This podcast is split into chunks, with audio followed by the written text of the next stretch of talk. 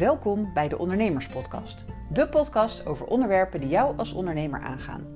Ik ben Marjolein Hettinga en in deze podcast wil ik jou inspiratie, tips en tricks geven om het ondernemen makkelijker en nog leuker te maken.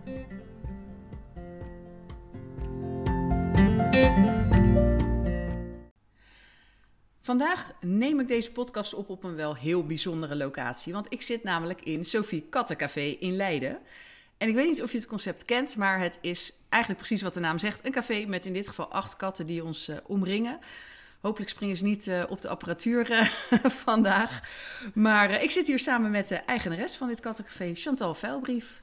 Hallo allemaal. Ja, welkom in de podcast. Wat, wat leuk. Um, Misschien eerst wil je eens uitleggen wat een kattencafé is. Ik heb het al een klein beetje verklapt net, maar... Uh... Ja, dat is wel een goeie, want soms denken mensen van... wat is dat? Kan ik mijn eigen kat meenemen en ga ik daar dan wat drinken? En uh, je kan je eigenlijk voorstellen dat het een, een, café is in een gezellige huiskamersfeer. En daar wonen dus acht katten. De mijnes komen allemaal uit Griekenland.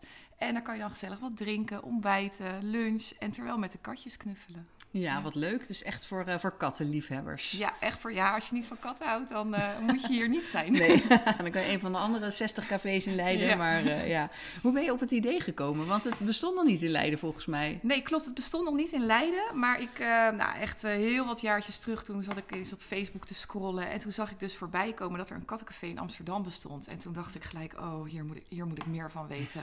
wat is dit? Een café met katten. En nou ja, mijn hoofd ging gelijk overuren draaien. Dat ik dacht, oh, wat geweldig.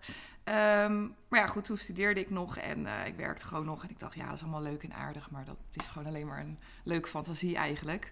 Um, maar sindsdien was ik wel echt... Toen heeft het al die tijd in mijn hoofd blijven zitten. Totdat ik echt uh, ja. de stappen ervoor ging nemen, ja. Kijk, en hoe heb je dan uiteindelijk gezorgd dat het realiteit werd? Want dit was dus een droom van misschien wel tien jaar geleden of zo? Ja, wel, wel eventjes geleden inderdaad. Ik zit, ik zit even te denken, ik denk een jaar of 2016 of zo, misschien nog eerder. Um, nou ja, al die tijd is het in mijn hoofd blijven zitten, maar wel dat ik elke keer erover dingen ging opzoeken. En dat ik dacht, leuk, hoe hebben ze dat dan gedaan? Hoe zijn die andere katcafés begonnen?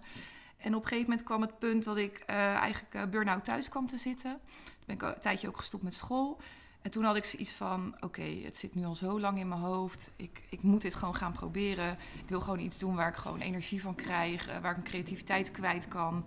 Ik, ik dacht gewoon: ja, het katcafé lijkt perfect voor mij. Het stukje ja, dieren, het maatschappelijk stukje horeca.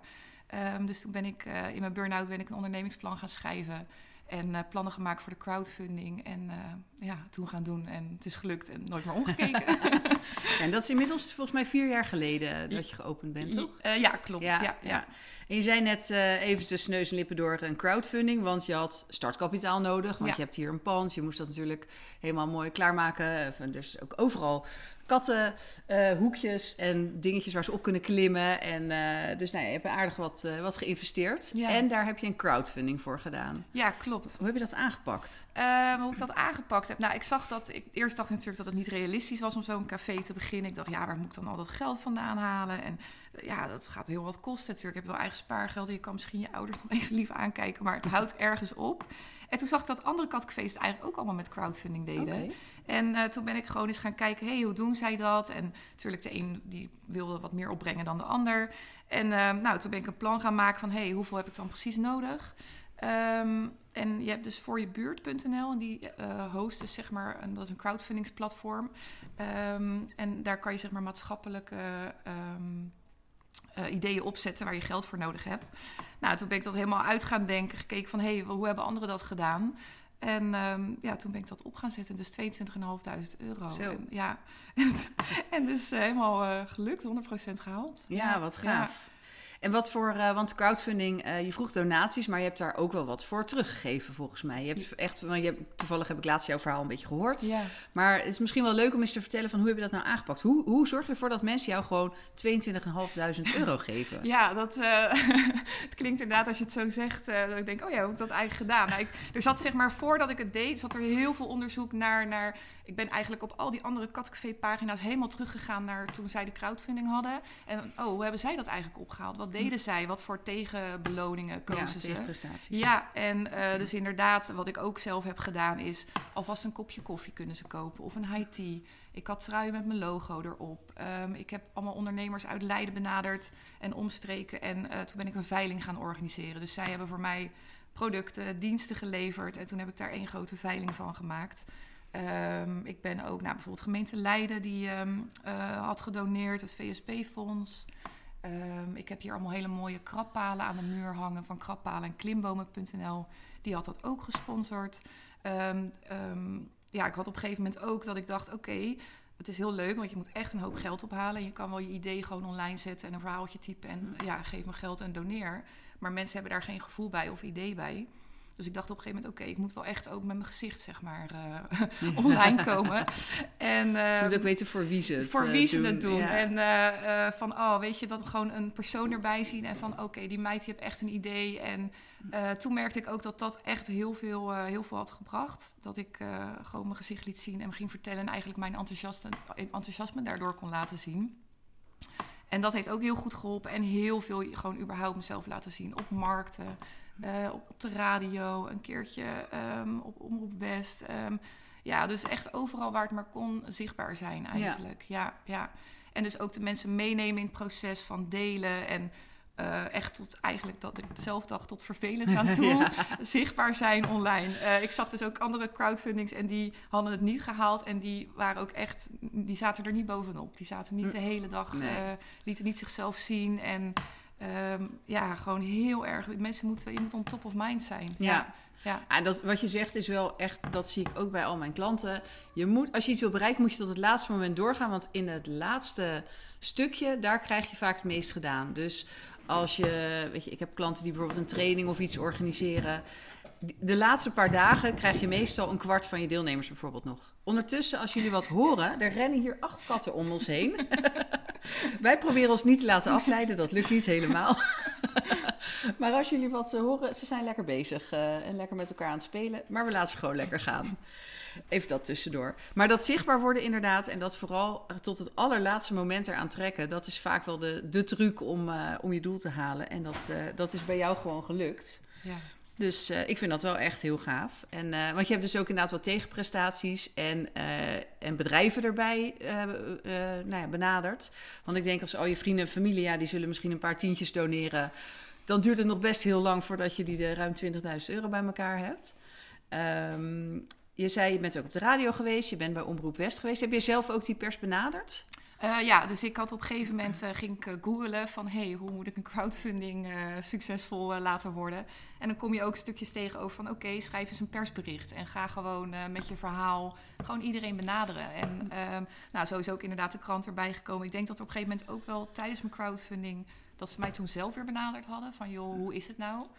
Als je maar heel zichtbaar bent, dan pik je ja, dat dan, vaak ook zelf op. Ja, zeker. Maar vooral gewoon echt ehm, daarin gewoon een soort van zelfverzekerd zijn van hé, hey, dit is gewoon mijn idee, het is top en ik wil gewoon dat iedereen dit hoort.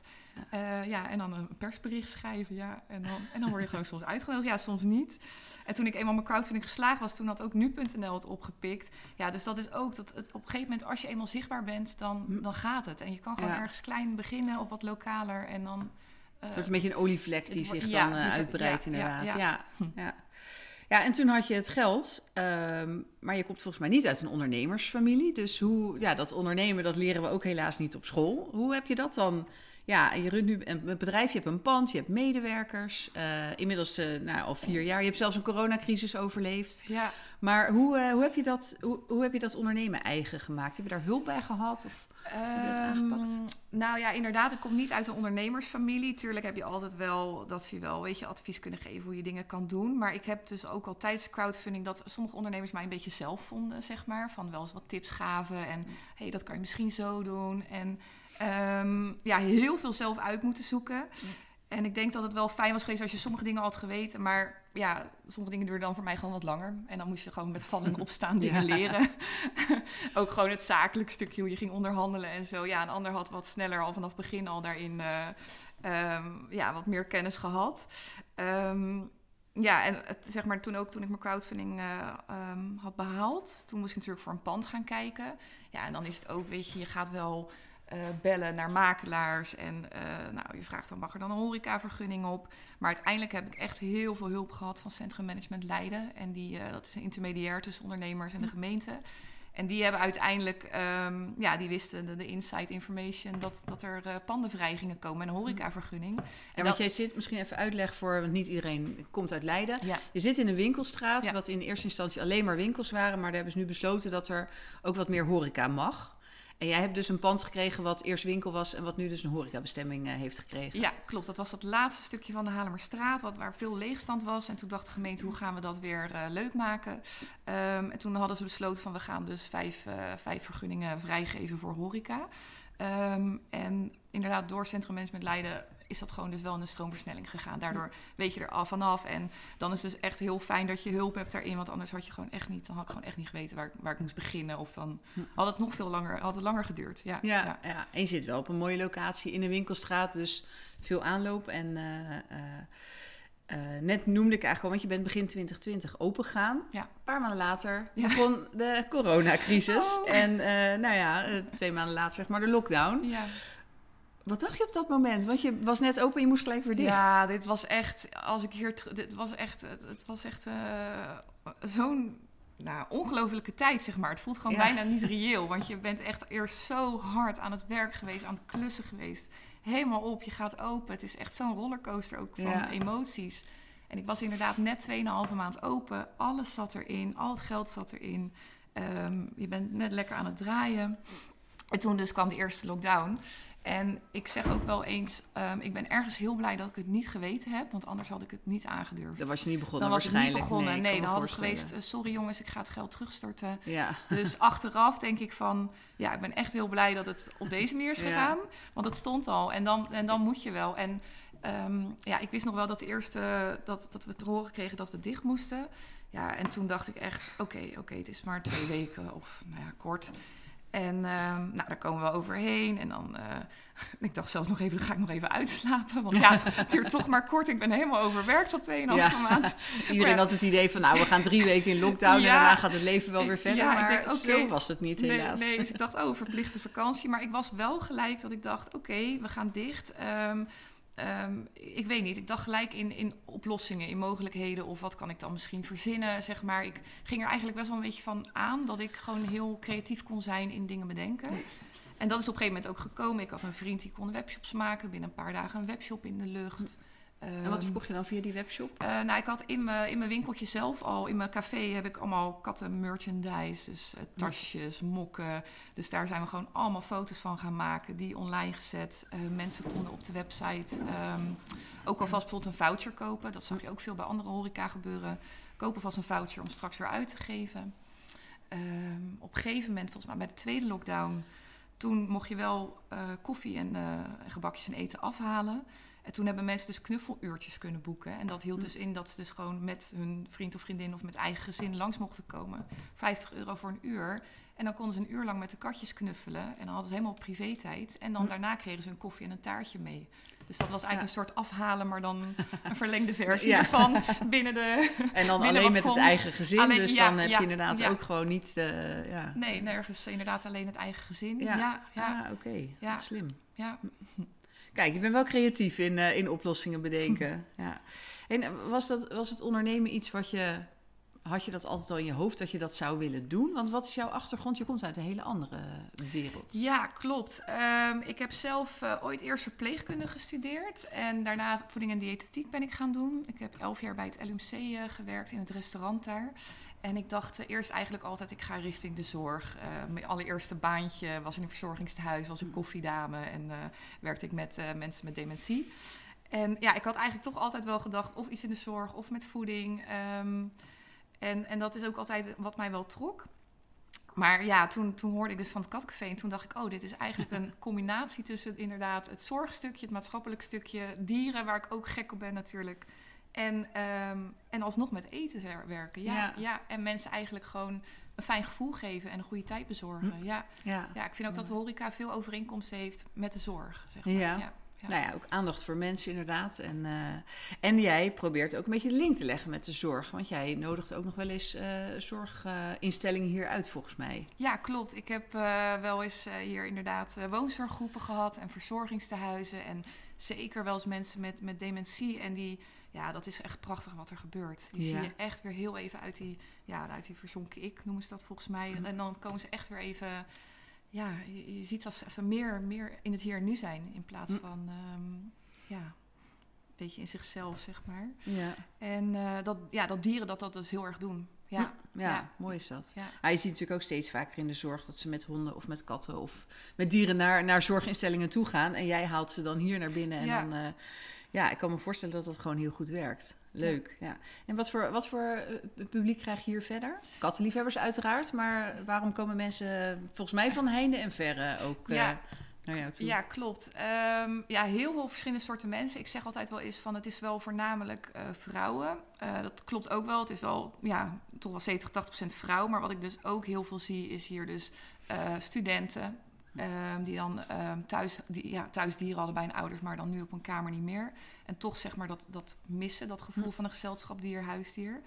Ehm, nou, ook wel eens gezinnen met kinderen waarvan iemand in het gezin allergisch is, maar dat ouders toch ja, graag eh, de kinderen met huisdieren willen laten opvoeden. Ja, het is eigenlijk toch wel heel divers. Ja, zie je ook wel gewoon stelletjes waarvan ze dan thuis geen dieren hebben. Want ja, het is toch een hoop zorg. Je hebt toch de kattenbak en als je op vakantie wil. Maar dan kan je dus wel naar het café om Ja. alsnog eh, ja, met de katjes te knuffelen. Ja, leuk, leuk. En ehm, hoe kom je aan je klanten? Hoe, eh, hoe ontdekken ze jou? eh? Ehm, ja, ik heb in het begin nog wel eens zeg maar reclame gemaakt. Tijdschriften, boekje, de tv-dingen, radio. Maar ik merk dat het nu heel erg... Nou ja, social media is wel ehm, een groot deel daarvan. Dus zowel zelf posten, maar ook mensen die gewoon eigenlijk TikToks maken en reels maken. En ehm, doordat je gewoon een goede ervaring geeft, dan, dan gaan die mensen vanzelf reclame voor je Ja. maken eigenlijk. Ja. En ik heb ook wel eens in een boekje gestaan voor studenten die voor het eerste jaar hier komen. Ehm, en dan op die manier ervan horen. Maar het is vooral echt van horen zeggen. Mensen hebben gewoon een toffe ervaring bij je. En die gaan dat gewoon met enthousiasme doorvertellen. Ja. ja. Ja, je kan van jezelf eh, zeggen dat je goed bent, maar je kan het beter door een ander laten doen, toch? Ja, ja. ja. ja. Hey, en inmiddels, eh, want eh, corona ligt gelukkig alweer een tijd achter ons. Je bent alweer een tijd open. Hoe gaat het nu? Eh, ja, het gaat nu. Ik, ik moet zeggen dat het nu echt sinds een jaar gewoon goed loopt. Alle gekkigheid is een beetje voorbij. Eh, ik zit in de weekenden gewoon vaak vol, een dag van tevoren. Het is echt, ja, ik kan nu gewoon zeggen, oh, ik kan gewoon echt wat op gaan bouwen. Ja, Ja. ja. ja. Wat gaaf. en dat het gewoon allemaal loopt. En ehm, ja, dat je ook een beetje je routine gevonden hebt. Want ja, elke keer dicht, open, ja, dan Ja. ben je ook nog zoeken naar. En ik stond er eerst gewoon alle dagen zelf. En eh, dat is echt een eh, recept voor, eh, voor overspannen Ja, raken. als je een gewoon volgende burn-out. ja, als je, als je gewoon niet misbaar bent in je bedrijf. Hm. En dat is nu ook dat is veel meer in balans. Ja. Ja. En dat is gewoon heel fijn, want dan, dan kan je ook meer aan je zaak werken. Zeg maar. ja.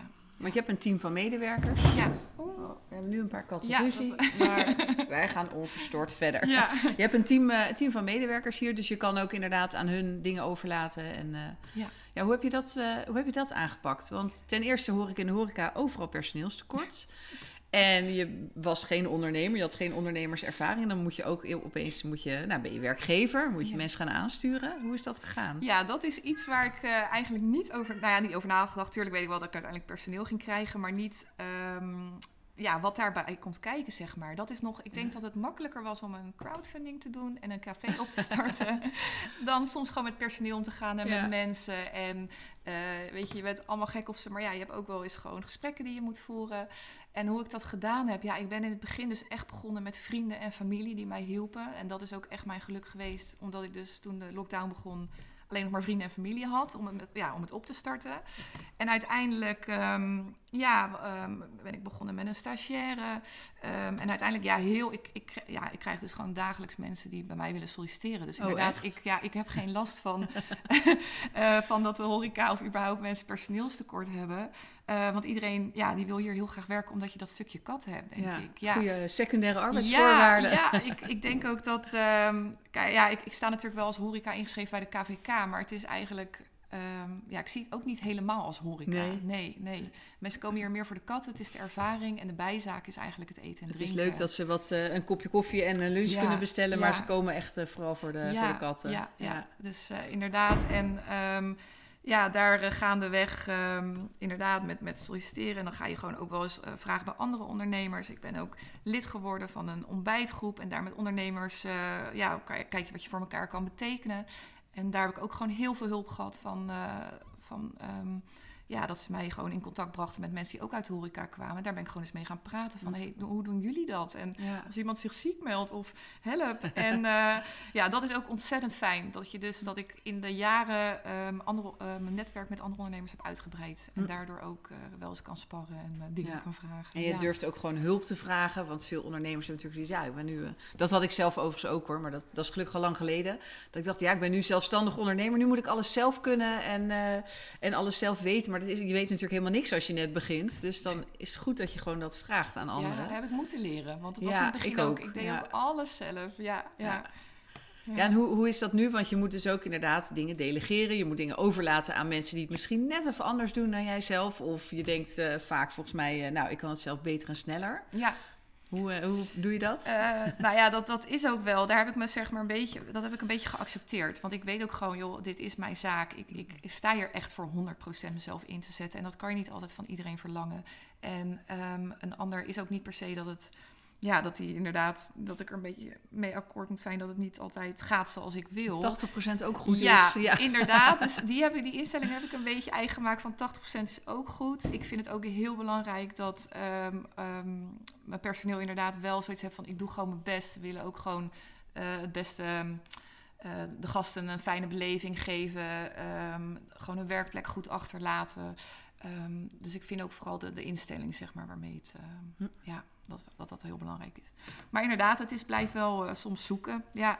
ja. maar het is echt, je moet geen, uh, geen controle. Nou, freak wil ik niet zeggen, maar je moet echt wel een beetje controle. Een beetje perfectionisme ja, laten varen en, uh, en de ja. dingen aan anderen overlaten. Want je kan natuurlijk niet fulltime ja, hier altijd maar zijn. En ik denk wat je net ook zei, dat vond ik ook wel leuk. Um, je, je werkt ook aan je bedrijf. Dus je bent ook duidelijk bezig met hoe gaat het er in de toekomst uitzien of hoe ga, ga, ik dit ontwikkelen. Ja. Um, je hebt daar ook een coach voor, uh, uh, weet ik toevallig. Ja. Uh, want dat is een gezamenlijke kennis van ons. Ja. Um, dat zie je ook niet vaak dat startende ondernemers al gelijk met een coach aan de slag gaan. Wat, is, wat was jouw reden om dat wel op die manier aan te pakken? Oh, uh, ja, nou, ik, ik nou, startende ondernemer, oh, ik voel mezelf toch wel... Nou, nou inmiddels ben je denk ik geen starter meer, maar, uh, maar je bent al een tijdje volgens mij met haar ja, aan de slag. Ja, omdat ik, um, zeg maar de eerste jaren dat ik aan het ondernemer was, was ik compleet mezelf aan het wegcijferen. Ik was alleen maar aan het werk, 70, 80 uur, slapen voor mezelf, zorgen dat... Dat, dat was schoot toch allemaal een beetje bij je in. Niet ja. bestaand was dat. En um, ik, ik in de jaren heb ik ook geleerd hoe belangrijk het is om in jezelf te investeren. Want ik ben mijn zaak. En ik heb ook, ben er ook achter gekomen dat als het niet goed gaat met mij, dat het niet goed gaat met mijn zaak. Um, dus op een gegeven moment, nou, ik merkte dat mijn zaak goed liep. Um, er was meer stabiliteit. En toen dacht ik echt, het is gewoon zo belangrijk dat ik daarin blijf doorleren en door investeren in mezelf. Omdat dat gewoon mij heel erg ten goede gaat komen en ook mijn business. En dat merk ik inderdaad met mijn coach, met mijn coach Isabel. Ja, dat ik op elk vlak nu in mijn leven gewoon uh, sterker word en leer en uh, beter uh, word. Ja. Dus ja, dus niet alleen je bedrijf, maar jullie pakken ook gewoon breder ja, aan. Ja, ja, klopt. Ja, zij heeft inderdaad ook heel erg de aanpak dat ik ook nou ja, vooral heel erg op rust inzette. En um, um, eigenlijk gewoon gewoontes aanleer die voor mezelf goed zijn. Dus het is nog, nou, het is ook een stukje business, maar ook heel erg mezelf. En daardoor gaat mijn business en alles beter. Het is echt ja. inderdaad die olievlek die dan zo verspreidt. Ja, ja, ja mooi. En wat, wat, wat, levert het, wat levert coaching jou op? Um, um, um, meer, ja, hoe zeg je dat? Wat levert het mij op? Het levert me op dat ik me echt veel beter voel, veel beter in mijn vel. Ik voel me echt uh, meer uitgerust. Uh, maar ik merk ook dat het in mijn business beter gaat. Ik heb meer structuur. Uh, mijn omzet is omhoog gegaan. Ja. Dus het is echt op elk vlak. Ja, en doordat je dus zelf persoonlijk zo goed voelt, kan je ook veel meer genieten van je business en alles wat erbij komt. Want je kan wel heel veel geld verdienen en succesvol zijn, maar als je jezelf niet goed voelt en nee, niet de slag in de ronde hebt, moet ja, werken, dat. inderdaad. Dan, uh, ja, en het ja. heeft me ook echt gebracht dat ik dus meer, um, soms minder, ja, minder werk en wel meer, uh, oh jongens. We, we, hebben een echte catfight. We, we hebben een uh, echte catfight. Ja, het is een beetje story of my life. Jij ja. er minder door afgeleid dan ik ja. in ieder geval. ik ben het al gewend. Ja. ja. Maar um, dus dat het uh, op, el op elk vlak klopt. Um, en ja, ik heb ook wel eens gezegd van... oké, okay, voor mij is succesvol zijn niet dat ik, um, dat ik inderdaad bijvoorbeeld heel veel geld op, op mijn rekening heb of zo. Maar dat ik mezelf dus goed voel. Dat ik kan genieten van mijn business, zeg maar. Dus, en dat is dus heel belangrijk dat je Ja, dat je zelf ook oké bent. eh, ja, Hm. ja. Ja, en dat mooi. ik meer eh, afstand uit mijn business heb kunnen doen. Dus minder eh, zelf erin staan. En dat heeft echt coaching mij gebracht. Ja. Ja, en daardoor kan je waarschijnlijk ook weer voor de lange termijn gewoon mooie plannen maken. En dan kom je ook verder in plaats van dat je op een gegeven moment denkt, nou, het gaat lekker, maar het kabbelt gewoon zo voort. En ja. ja, je bent je echt aan het ontwikkelen. Ja, heel leuk hoor.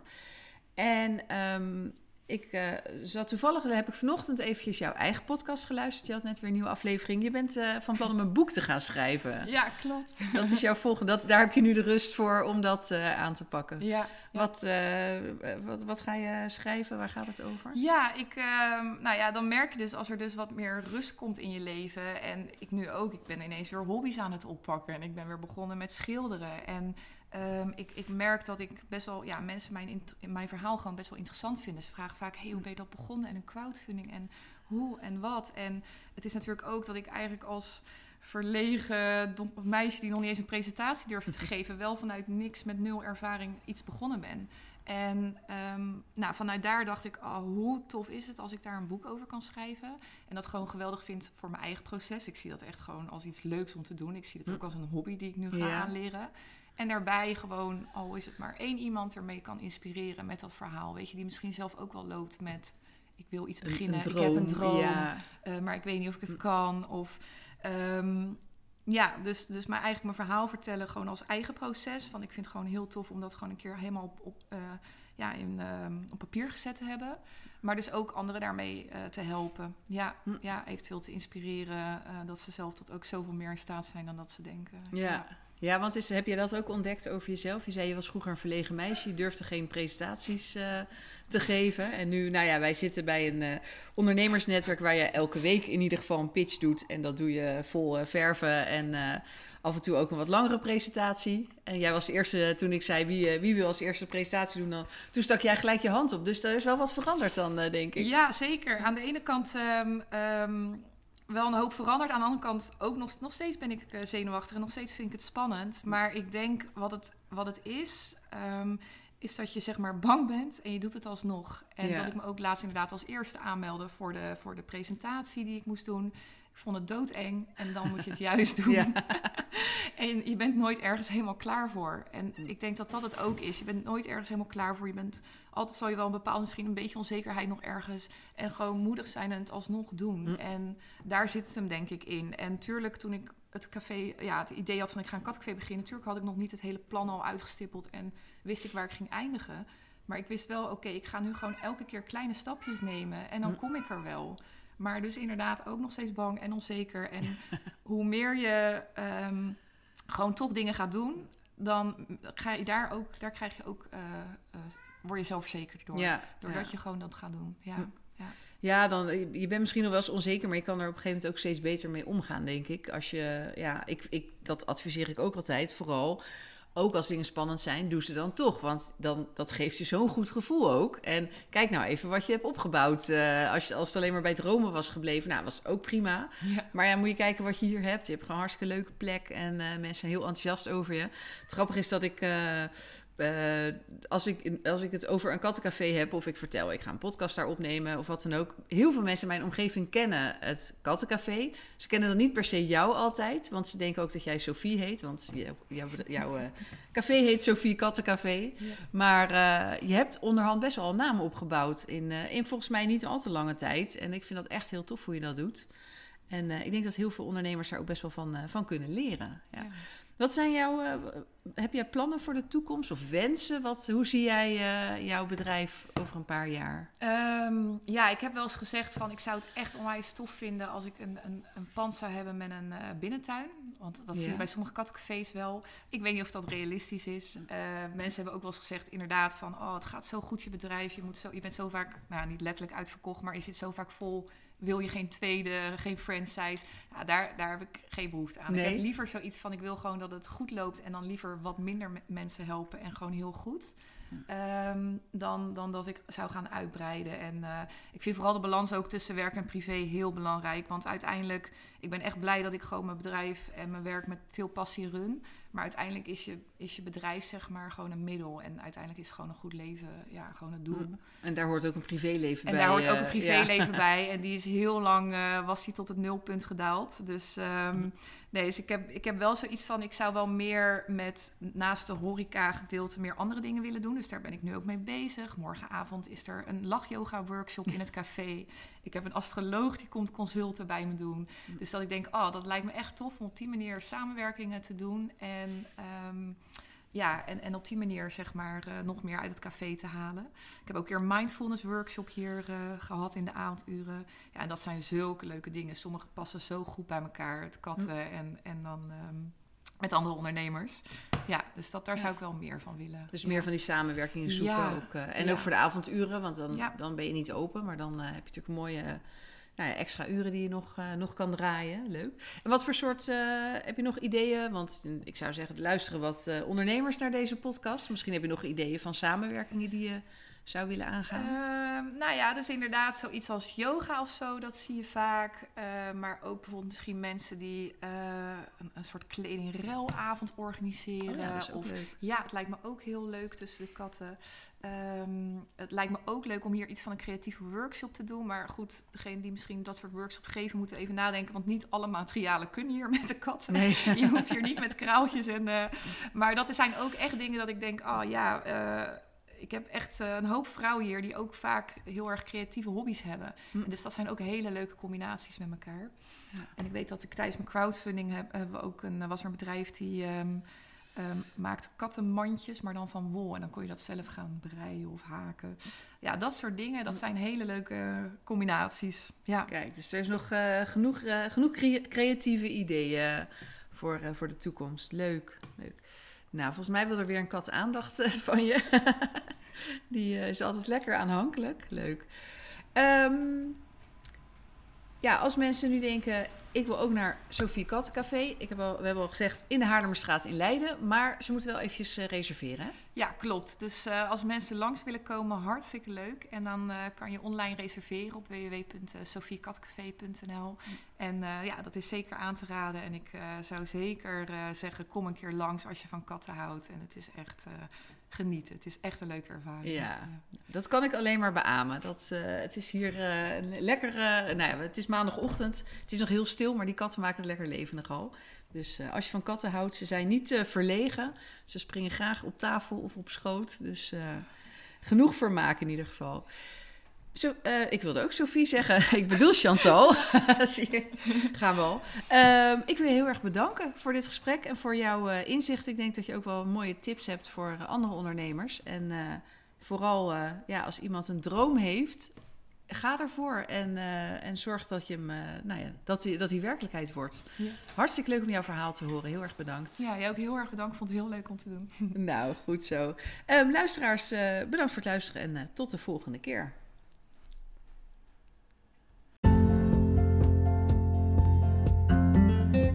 Dit was de Ondernemerspodcast. Bedankt voor het luisteren.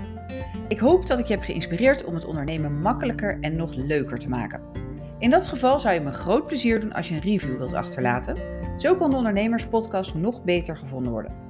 Dat kan door sterren te geven en een review te schrijven in Apple Podcasts en tegenwoordig ook in Spotify door op de drie puntjes bij de podcast te klikken. En vergeet niet om je te abonneren natuurlijk, zodat je nooit meer een aflevering hoeft te missen.